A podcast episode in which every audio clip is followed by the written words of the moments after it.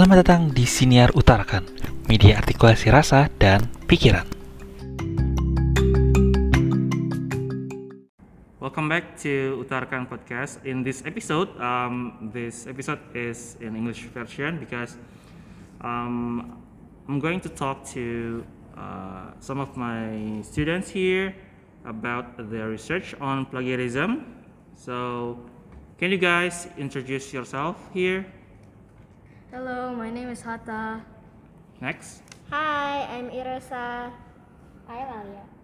I'm Trisha. I'm Kay. Okay, so um, let's start with the reasons why you did this research. Anyone to start with? Yeah, uh, we chose plagiarism as our topic to research about because it seems like people, mostly students, plagiarize because of the desire to get good grades. Okay, so um, you said that um, the students want to have a good grade. So uh, why they want to have a good grade? Wha- wha- wha- the reason why? Yep. Because they want to make their parents proud and impress their family. Okay, to uh, want to make uh, their parents proud and impress them. Okay. Yeah, yeah, I think I think so. So next, um, how did you do the research? So, to conduct the research, we basically made some quick surveys and sent them to our classmates. Mm-hmm. So only only the quick survey. No, after, after, after having our respondents answered our quick survey, we conducted our online survey to complete the rest of the of our research and prove our hypothesis. Okay, so what's the hypothesis?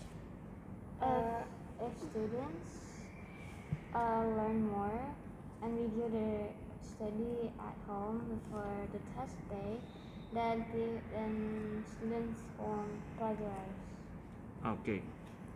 So what's the result of the online survey? The most voted solution is making a poster with 29.3% of the respondents voting for it. Okay, so uh, you said that um, many of them um, vote about making a poster. So what's the content of the poster itself? Uh, uh, to spread awareness about plagiarism and how to uh, like cite and give credit to the author. Oh, so it's like about um, plagiarism is bad and then how to avoid it. Yeah.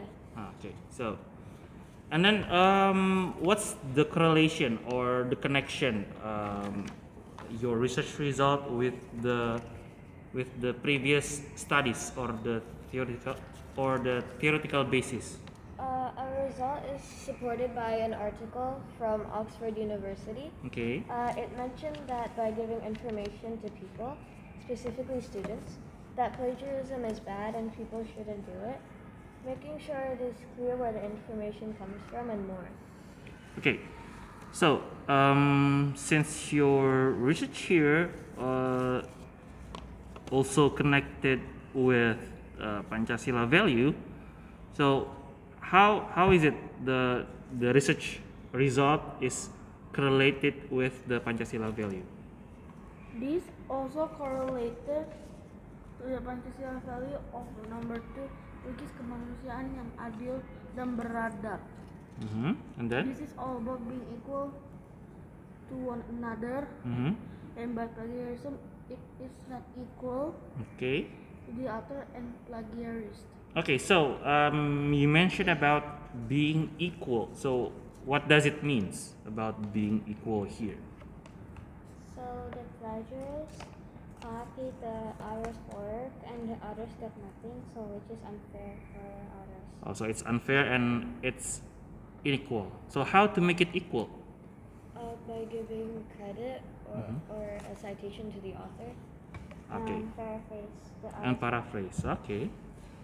So um, to conclude this episode, so what's the conclusion from your research? Uh, like, uh, in the end, we conclude that plagiarism is bad for students and everyone. Mm-hmm. That's it. Yes? Yeah. Anyone to add? No. No. Thank you for for you to listen to this episode, and I'll see you uh, next time. Bye.